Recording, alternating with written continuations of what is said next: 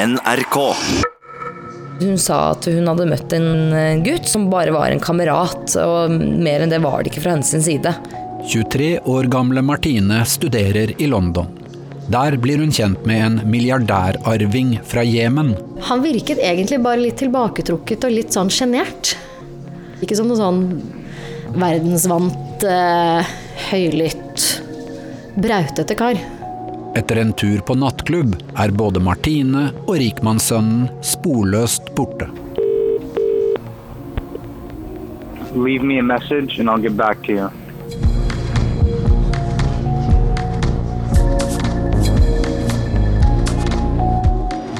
Du hører på hele historien om drapet på Martine Vik Magnussen, del én av tre, av Kaja Frøysa.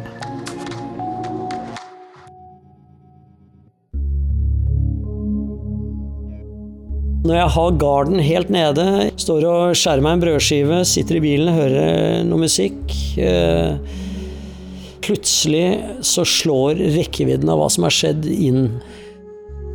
Odd Petter Magnussen er Martines pappa.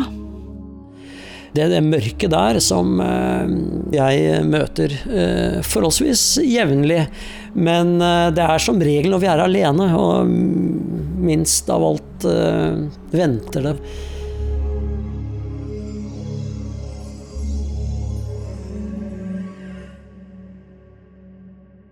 Det startet med brask og bram.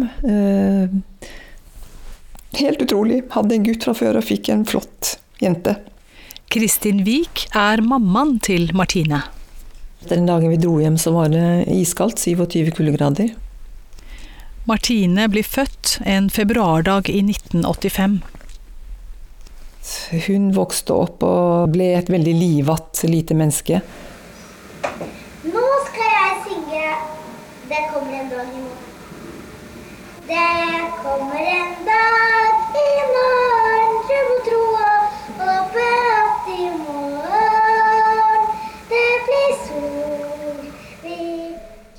var den som satte fart i ting, eh, og som var ja showet og spilte musikk og var veldig sånn humørspreder og fikk med seg mennesker. Og det var gøy å gjøre det som eh, Martine gjorde, tror jeg.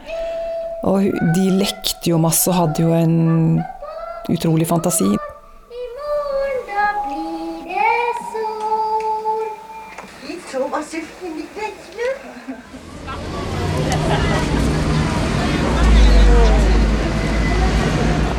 Er 2007, og Martine og bestekompisen Per Anders bestemmer seg for å flytte til London. Martine flytter først inn til venninnen Tale i hennes trange leilighet. Det var bitte lite. Um, vi delte en veldig trang seng som var vel sånn en, ja, så vidt en og en halv meter. Uh, det var veldig lite rom, og vi hadde begge to veldig mye klær og sko overalt. Vi hadde en veldig sånn søt liten peis som kun var til pynt. Med noe plastikkblomster på, og et vindu som lakk veldig mye. Så det var alltid iskaldt inne på det soverommet. Så fant vi et sted sammen med Per Anders. Da bodde vi helt nede ved elven. Så det var vel Martine og Per Anders som fant den. Og de ringte meg og sa åh, nå har vi funnet den perfekte leiligheten for oss. Du kommer til å elske den. Den er så fin. Den har verdens styggeste grønne fliser på kjøkkenet. Ser helt grusomt ut. Du kommer til å digge det. Martine skal studere økonomi i London. Så hun søkte i London på Regent eh, Business School og kom inn der og startet der. Og fant seg godt uh, til rette. Hun elsket jo London med det livet og det rørende og alt som var der. Dette var jo noe som uh, Petter og jeg var veldig klar over, at det var mye annet enn studiene som uh, trakk henne til denne verdensmetropolen. Og vi var ikke veldig glad for at hun valgte å studere der.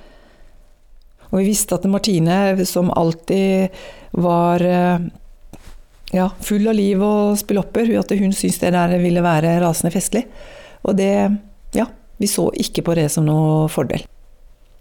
Min lille advarsel, eller pekefinger, gikk jo på at det å studere i verdens største fornøyelsespark, som er London, det kan kanskje bli veldig utfordrende eh, rent studiemessig, eller og det å ha tid til studiene.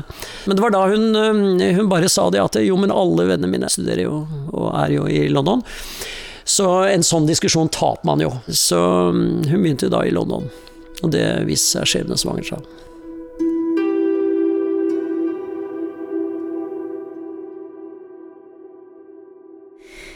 Jeg heter Henriette. eh, Er barndomsvenninne av Martine. Henriette vokser opp sammen med Martine i Asker utenfor Oslo. Martine hadde sånn lambada-skjørt som hun elsket da. Ja, rysjer eller sånn, ikke siv, da, men litt sånn treaktig eh, skjørt som hun hadde på seg. Da, så danset vi lambada i stuen.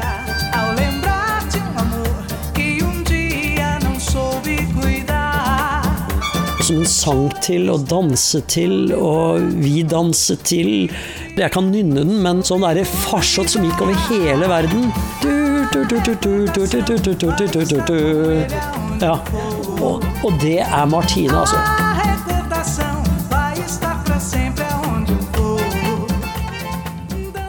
Henriette og Martine snakker ofte sammen, selv om Martine har flyttet til London.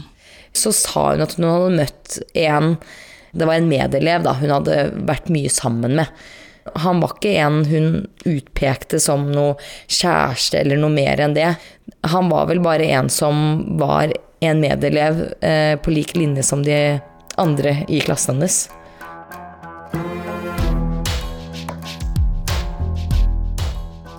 Gutten Henriette får høre om, er 21 år gamle Farouk Abdulhak. Han går også på Regent Business School, og de to er mye sammen utenom skolen. Som bare var en kamerat, og mer enn det var det ikke fra hennes side. Det er det inntrykket jeg satt med eh, hjemme i Norge, da. Farouk er sønnen til Jemens rikeste forretningsmann. Han bor i en eksklusiv leilighet like ved skolen og i gangavstand fra byens mest populære nattklubber. Ja, det var det hun sa. Det er ikke noe mer enn at vi er venner. I London søker Per Anders og Martine etter jobb for å tjene litt ekstra penger. Jeg gikk eh, fra butikk til butikk i London sentrum med søknader som må ha vært skrevet på utrolig dårlig engelsk. Martine klarte å få jobb eh, på Mulberry og jobbet nesten fulltid eh, ved siden av skolen. Den første tiden i London deler Per Anders og Martine rom. Det var alltid veldig gøy å prate med henne. Hadde alltid masse morsomme historier å fortelle. Og var liksom en sånn dame som når hun var på fest, så kom hun inn i et rom og eide det rommet. Hun eh, var utrolig vakker. Eh, dritkul klesstil. Alle bare Wow, hvem er den dama, liksom? Mange av studentene ved Regent Business School har en helt annen bakgrunn enn dem. Skolen har et internasjonalt miljø med studenter fra hele verden. Eh, en eh, som gikk i parallellklassen vår der, hun var eh, en prinsesse fra Aserbajdsjan. Hvor vi liksom snakker om at liksom ryktet på skolen var at hun hadde eh, ukeslønn på 130 000 kroner i måneden. Så helt sånn bisarr opplevelse å på en måte skulle stå i når man er 19 år og kommer fra Norge og har studielån og ja. Så ringte hun hjem, vi snakket sammen kanskje en gang i uken eller noe sånt på telefon. Og så sa hun 'vet du hva, pappa, i går så var jeg og venninnene mine ute på et utested, og da ble vi introdusert for prins Harry'. Og da tenkte jeg ok, så morsomt, men samtidig oi, nå har, nå har dette skjedd med at det blir veldig mye fokus på det sosiale. Og så jeg var liksom litt bekymret, sa ingenting, men, men var litt bekymret for at liksom mine alternative tanker på å studere i London liksom hadde slått inn, da. Dette var mennesker vi traff på skolen. Og gjorde gruppeoppgaver med, spiste lunsj sammen med. Men vi var jo i et uh, miljø med norske studenter. Det var jo et studentmiljø der, så det var nattklubber, alle dro ut på Akkurat som det er hjemme i Oslo. Hverdagen var normal. Vi bodde i kollektiv. Vi uh, Uh, spiste nudler og kjøpte billig vin på matbutikken, uh, som alle andre studenter gjør.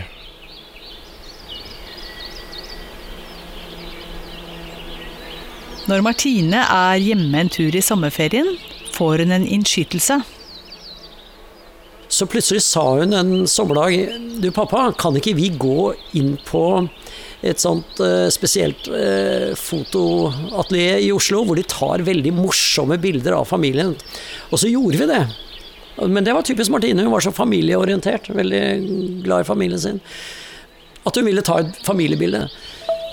Bildet som blir tatt den sommerdagen, skal vise seg å få stor betydning et drøyt halvår senere.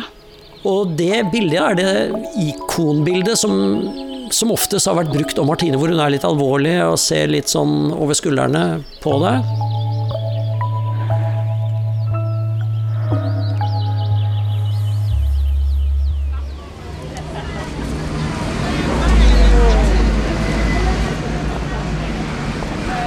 To venninner i samme storby. Det kan jo ikke bli bedre enn det. Per Anders reiser hjem etter første semester. Nå flytter Nina inn på rommet sammen med Martine. Vi var jo som lim, da. Vi var jo sammen hele tiden og gjorde absolutt alt sammen. Med unntak av de timene vi var på hvert vårt universitet, da. Eh, Men vi møttes jo i fritimene der, og vi var jo sammen ja, hver dag hele tiden, egentlig.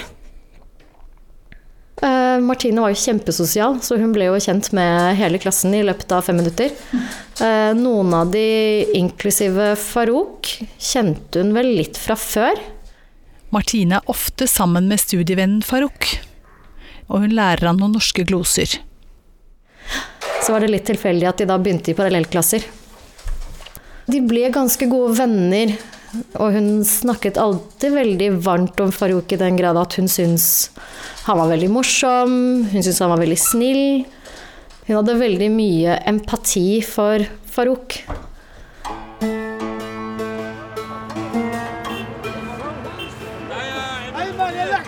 Faren til Farouk, Shaher Abdulhaq, skal ha en formue på flere milliarder dollar. Han ble kalt for sukkerkongen i Jemen. Han eier landets sukkerfabrikker, han importerer Coca-Cola og Mercedes, og eier de største hotellene i landet. Han er nær venn av den sittende presidenten. Det skal få avgjørende betydning for sønnen i det som senere kommer til å hende. 21 år gamle Farouk har bodd mesteparten av livet i USA og Egypt, sammen med moren, søsteren og broren. For hun syns liksom sånn han har det ikke noe greit, og han har ikke vokst opp med noe sånn god norsk kjernefamilie, sånn som jeg har, og han har ikke den derre gode tryggheten, da. Og ja, han har ikke noe kontakt med faren sin, og var litt sånn sånn Farouk har flere statsborgerskap når han flytter til London. Han fremstår som beskjeden, og skiller seg ikke noe spesielt ut på tross av bakgrunnen sin. Ja, så syns egentlig litt synd på ham. Faktisk. Og vi var litt sånn, herregud, han har sikkert sånn som For halve byen var jo kjempeforelsket i Martine. Han er sikkert dritkeen. Og hun bare nei, nei, nei, vi er bare venner òg. dette går bra, liksom. Han skjønner det. Skjønner at vi bare er venner, så vi bare ja, ja, mm, ikke sant. Du er så naiv. Typisk.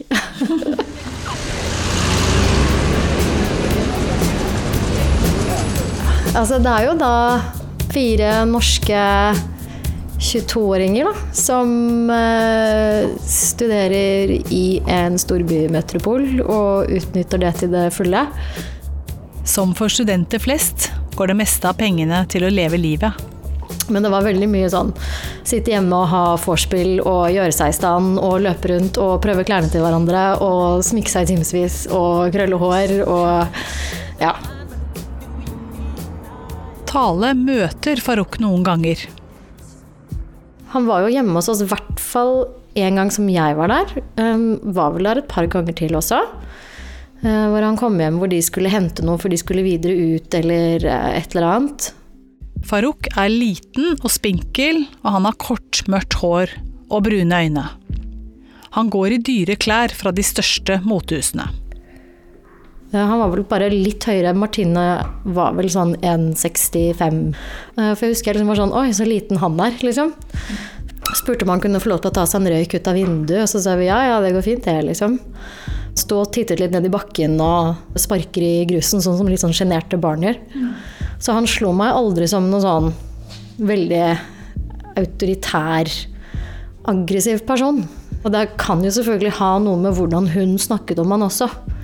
Til oss som denne, litt sånn Han må vi passe litt på, eller altså det var typisk Martine, og hun var jo et veldig medmenneske som alltid favnet veldig om alle også. Den der at han ikke turte å se deg helt i blikket. Han så liksom litt ned. Han virket ikke som noe sånn verdensvant, eh, høylytt, brautete kar. Så hadde han vel prøvd å kysse henne en gang, og da var vi sånn Aha, der er beviset. Han er kjempekeen. Nei, nei, nei. Jeg snudde meg vekk og sa jeg ikke var interessert. Han skjønte det. Så vi var sånn ja, ja, ok. Så han var liksom ikke hennes type i det hele tatt. Hun likte veldig sånn utadvendte, morsomme, tøffe karer. Det var liksom stort sett det hun eh, Som var hennes greie, da. Så nei. Det kan jeg ikke se for meg, liksom. Martine vil at de andre venninnene skal bli kjent med Farouk, forteller Cecilie, som også bor i London. Så hun eh, brukte jo mye tid på å selge han inn som et godt menneske. Snill og god, og ikke som de andre Selvfølgelig frem til den kvelden så kan ikke jeg tenke meg at han har gjort noe annet enn å være snill mot henne. Hvis han hadde gjort det, så hadde ikke hun eh, alltid tatt han i forsvar på den måten. En kveld Nina og Martine sitter og chatter med Farouk på meldingstjenesten MSN, kommer det en overraskende melding. Han sendte et bilde av en pistol hvor han skulle tøffe seg. Farouk smiler svakt på bildet der han poserer med en glinsende pistol. Men jeg tenkte sånn Ja ja, du Det var sikkert en spøk, da. Eller han skulle kjekke seg litt, eller Ja. Jeg tok det i hvert fall ikke som noe tegn på at han skulle drepe henne. Men øh, han var ikke veldig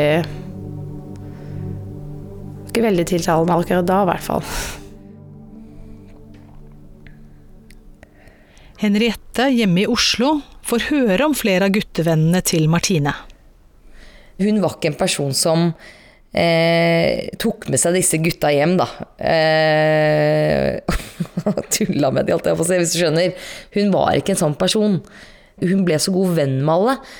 Og fikk veldig ofte sånn der kompisforhold til mange av eh, guttkameratene sine. Uten at det var noe mer enn det.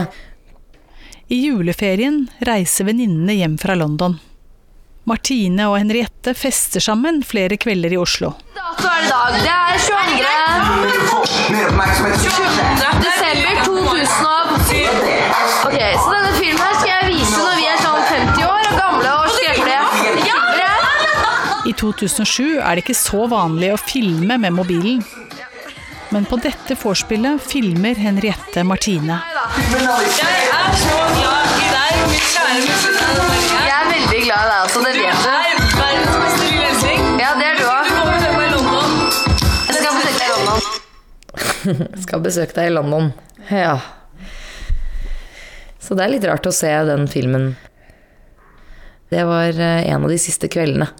Eh, Den julen i 2007 ble det da. Hun ville jo veldig gjerne at jeg skulle komme over, så planen var jo å gjøre det.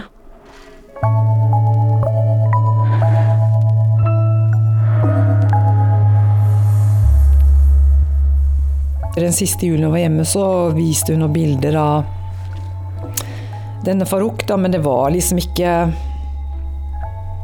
Det var ikke noe som jeg på en måte kanskje ikke valgte å, å kommentere så veldig mye. Da reiste hun tilbake og fortsatte studiene. Og det, det, gikk, eh, det gikk greit, så vi ventet jo på henne å få henne tilbake igjen til påske, da.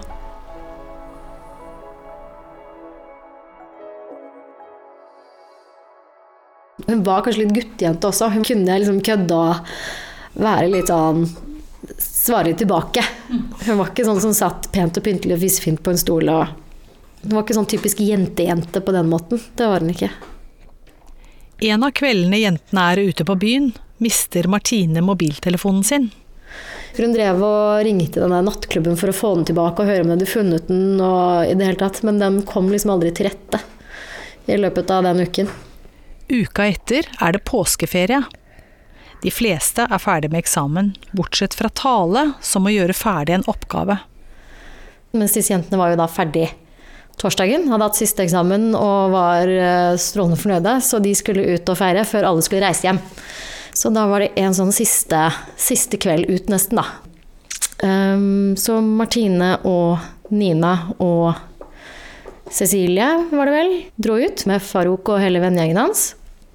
Jeg satt og skrev og skrev på denne forferdelig kjedelige oppgaven som jeg var så bitter for at jeg måtte skrive. Og de andre kunne gå ut og ha det gøy, og jeg kunne ikke være med. Uh, og de gjorde som vanlig, løp rundt i leiligheten og smilte og lo og koste seg og hørte på musikk og krøllet hår og Martine hadde på seg jeans og en litt sånn beigebrunaktig topp eller noe sånt. Den, ja, pelsjakken hennes, den sorte.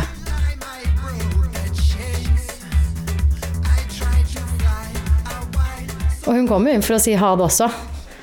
Sist hun sa var vel sånn Hadde du tatt meg for en snickers? Det hadde jeg. Alltid. Jeg er like fin som sjokolade. Så det var liksom siste, siste vi sa til hverandre. Og det er sånn utrolig rart nå. At ikke det var noe sånn Skulle liksom føles som det burde vært noe litt mer. Ja. Men det var det. Og så flakset de av gårde, alle sammen. Ut av døren.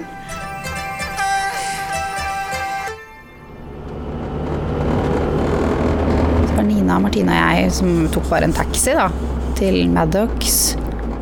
Utestedet Maddox ligger i Londons mest fasjonable strøk. Stedet får et skikkelig oppsving når det blir kjent at Englands unge prins Harry også dukker opp her.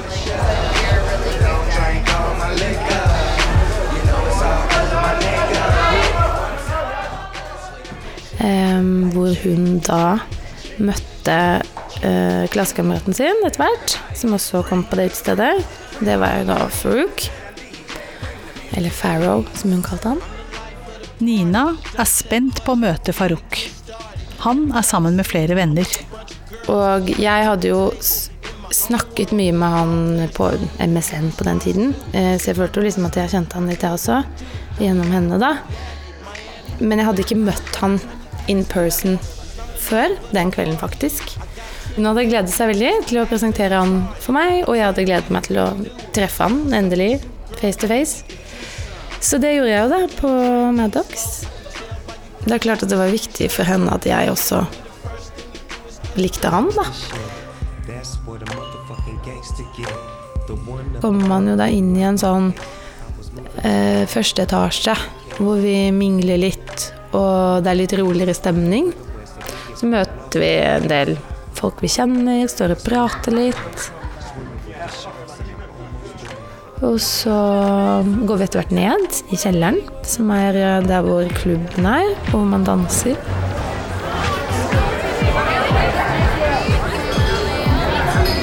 Og så møter vi enda flere vi kjenner, som har eh, plassert seg litt sånn forskjellige steder rundt i lokalet, egentlig. Og så sto Farouk på et av de bordene litt midt i lokalet, da. Men sier sånn 'Å, Nina, Nina, nå må du komme', for nå er han her. Må hilse på Farouk. Og han var en, eh, ja Forsiktig, stille fyr, egentlig. Ja, ikke veldig pratsom. Han sier hei og det er det. Jeg er ikke så veldig inviterende, egentlig. Jeg prater nok mer med han enn han prater med meg. Men eh,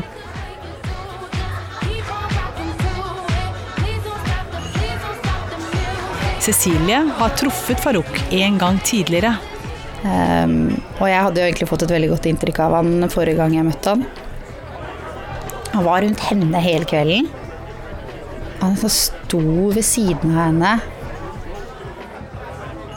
Når jeg møtte han den kvelden, så bare å, Så var det som om noe liksom vrengte seg litt inni meg. Jeg fikk en sånn skikkelig dårlig følelse av han. Det var noe som var off, liksom. Jeg klarte ikke helt å sette fingeren på det, ikke med en gang. Nina kom til meg litt senere på kvelden, for det var første gangen Nina møtte han. Hun sa 'jeg liker han ikke'. Jeg liker han ikke. Liksom, det er et eller annet. Det er et eller annet. Så da fikk jeg liksom bekreftet den følelsen som jeg hadde, da. Drev og tok liksom masse bilder og Da ble han dritsur hvis han var på et av de bildene. Nektet å Altså, han fikk helt sånn Da fikk han litt sånn sinne. Jeg vet at det var mange sånn som liksom har sagt han var dopa og at han hadde tatt masse, at man så det og sånne ting. Ehm, Det kan jo være årsaken til at han oppførte seg annerledes da, den, den kvelden enn den forrige gangen jeg hadde møtt han. Ehm, jeg fikk liksom et helt et helt annet inntrykk.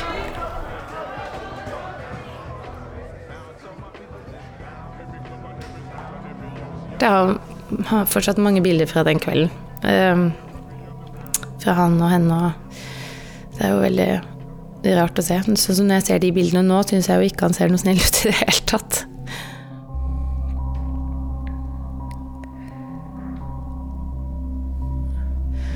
Hun hadde det veldig gøy den kvelden. Og hun var veldig glad og fornøyd og godt humør. Og ja, det var liksom ingen Ikke noe som skulle tilsi at ting skulle gå så galt den kvelden der. Klokken er halv tre, og Nina vil dra hjem.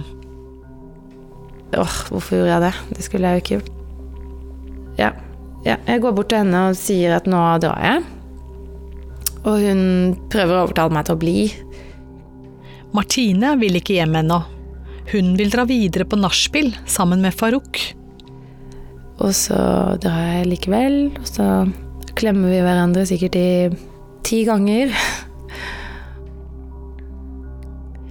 Cecilie vil også hjem, og hun velger vanligvis å bare snike seg av gårde hvis hun vil dra før de andre. Denne kvelden sier hun likevel ha det til Martine. Ja, av en eller annen grunn da, så ga jeg henne en klem og sa liksom ses i morgen. Tror det er eneste gang jeg har gjort det. Kanskje det var et eller annet som bare jeg vet ikke, visste.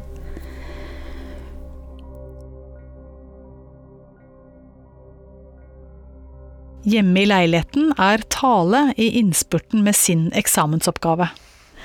Jeg satt vel oppe til sånn klokka fem den morgenen og skrev og skrev og skrev på den oppgaven. Eh, Sto opp klokka elleve. Da var vel bare Nina hjemme. Så, men det var for så vidt vanlig. Det var liksom ofte at hun sov hos Farouk. For han hadde jo leilighet som var bare gangavstand nesten fra de fleste nattklubbene. Ikke uvanlig det. Det var ikke Nei, nei, nei. Ikke uvanlig. Det var derfor vi liksom mobbet henne så innmari for den der 'Å, det her er det noe mer', ikke sant? Og hun bare 'Nei, nei, nei, vi er bare venner'. Og den dama var så prippen at det tror jeg faktisk på. Eh, Det er ikke mange andre hadde kjøpt denne, men akkurat Martine, så jo, faktisk. Eh, Så det var liksom sånn, ja ja, men da kommer hun etter hvert, da. Så dro jeg og leverte oppgaven min, kom hjem og gikk rett og la meg. Helt utslitt. Våkne sånn i femtiden. Står jeg opp, og da var det fortsatt bare Nina som var hjemme. Så jeg bare ja, 'Har du snakket med Martine?' Nei. Noe som egentlig var veldig sånn Veldig ulikt Martine. For var, hadde, normalt sett så hadde hun ringt neste morgen for å fortelle og snakke om kvelden før. Hva som hadde skjedd, hva hadde vært morsomt. Så dere det? Herregud. Altså sånn, sånn som jenter kan. Bare sånn sladring. Og det var litt rart å ikke få den heads upen neste dag, da. Så Nina tok jo da sin telefon, som hun hadde denne kontaktappen på, og liksom snakket til uke. 'Hei, har du hørt noe fra Martine? Er hun hos deg?' Uh, uten å få svar. Leave me a message and I'll get back to you. When you finish recording, please hang up. Vi sendte meldinger på Facebook til Martine. Eh, Hei, kan du kontakte oss, kan du ringe oss? Vi er bekymret, vi har ikke hørt noe fra deg. Vi sendte melding til Farouk på Facebook og sa hei, vi prøver å få tak i Martine. Er hun hos deg? Hva skjedde i går? Bla, bla, bla. Hun sa hun skulle til deg. Nå får vi ikke tak i henne. Ingen svar.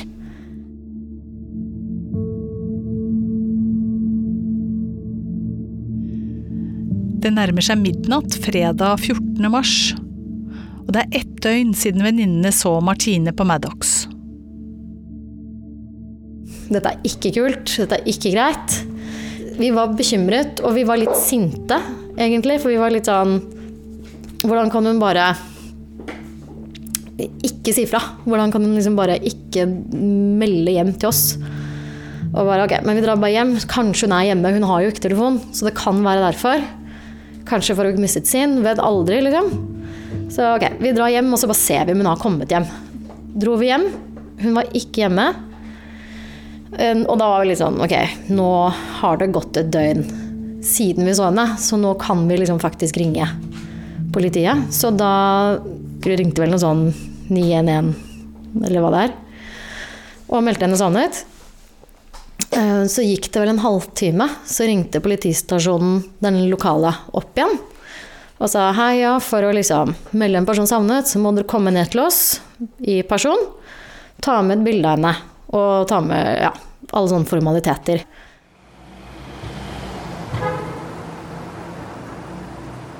Så da sto vi opp igjen, og så gikk vi ned til Belgravia politistasjonen, som heldigvis bare var fem-ti minutters gangavstand fra leiligheten. Så gikk vi ned dit, traff en sånn halvsliten nattevakt, som var vel strengt talt mer opptatt av å høre hvilke nattklubber liker dere å gå på, hva slags musikk spiller de, kan dere hjelpe meg inn, må man stå på gjesteliste, er det medlemsklubb? Han var liksom ung fyr da, som var mye mer opptatt av det. Hun er jo sikkert bare sammen med en eller annen fyr, liksom. Slutt å være så stressa, ikke være så hysteriske dere, da. Nina ble ganske forbanna.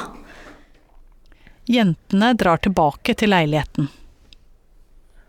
Så begynte vi å se litt sånne underlige tegn fra Farouk, som hadde plutselig oppdatert Facebook-statusen sin til Home Alone. Det gjør man jo ikke sånn uten videre.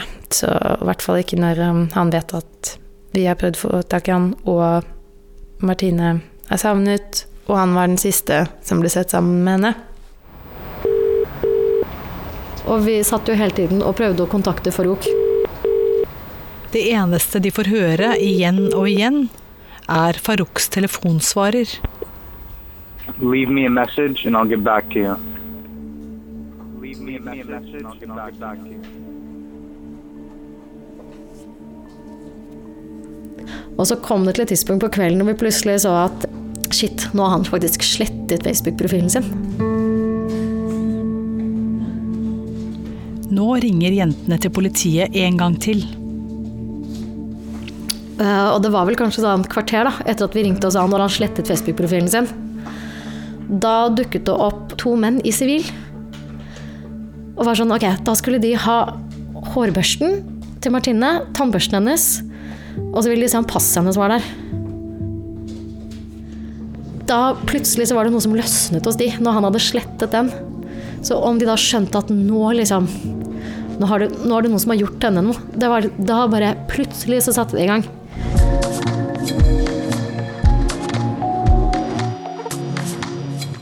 Du har hørt den første av tre deler om drapet på Martine Vik Magnussen.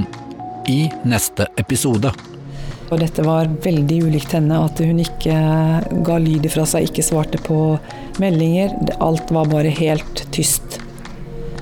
Dokumentaren er laget av Kaja Frøysa. Lyddesign ved Kjetil Hansen. Produsenter Line Alsaker og Kjetil Saugestad. Redaktør Siril Heierdal. Det har ikke vært mulig å få kontakt med den mistenkte Farouk Abdulhaq.